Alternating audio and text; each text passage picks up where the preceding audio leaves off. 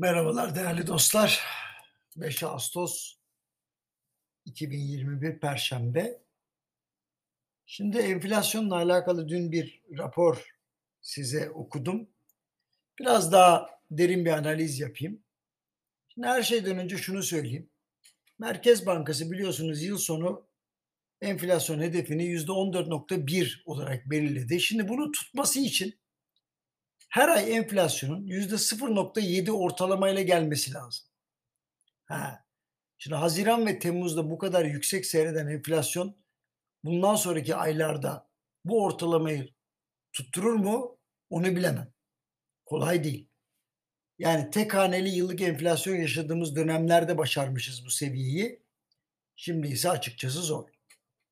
Şimdi ben yılbaşından beri 2021 enflasyon beklentisini %16 olarak belirlemiştim. Ancak şu an bile bunun tutması oldukça iyimser. Yani aylık ortalama %0.9 ile bir arası bir oran ile yola devam etmemiz lazım. Vallahi bilemiyorum yani olur mu olmaz mı? Siz karar verin. Şimdi yurt dışında fiyat artışları var ee, ve oraya müdahale etmemiz imkansız. Dolayısıyla enflasyon yükselecek. Şimdi Temmuz ayı rakamlarına baktığımız zaman Kamusen araştırmasında hatırlarsanız paylaşmıştım geçenlerde. Tarım ve gıda fiyatları sabit ya da gerilemiş durumdaydı. Ama en çok fiyatı düşen ürünlere baktığımız zaman tüfede yine tarım ve gıda ürünleri harcama gruplarında ise %2.13 ile düşüş var tabi. Giyim ve ayakkabı. Mobilyada %0'a yakın bir rakam. Düşüş çok az. Şimdi en çok yükselen 5 tane mal ya da hizmete bakalım. Bunlardan 3 tanesi kafadan tarım ürünü. Ancak yurt içi turlar neredeyse bir ay önceye göre sıkı durun %30 artmış. Elektrik zammı da bu aya yansımış ilk 5'e girmiş.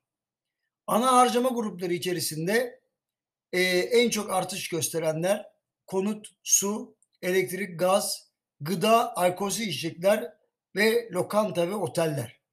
Şimdi bu kaçınılmaz tabii. Mevsimlik gıda ürünlerinin büyük çoğunluğunda düşüş olması daha büyük bir rakam çıkmasını engellemiş gibi. Yani enflasyon hakikaten bu ay raydan çıkabilirdi. Ama mevsimlik gıda ve tarım ürünleri var. Bunların çoğunda fiyat düşmüş. Şimdi üretici fiyatlarına bakalım.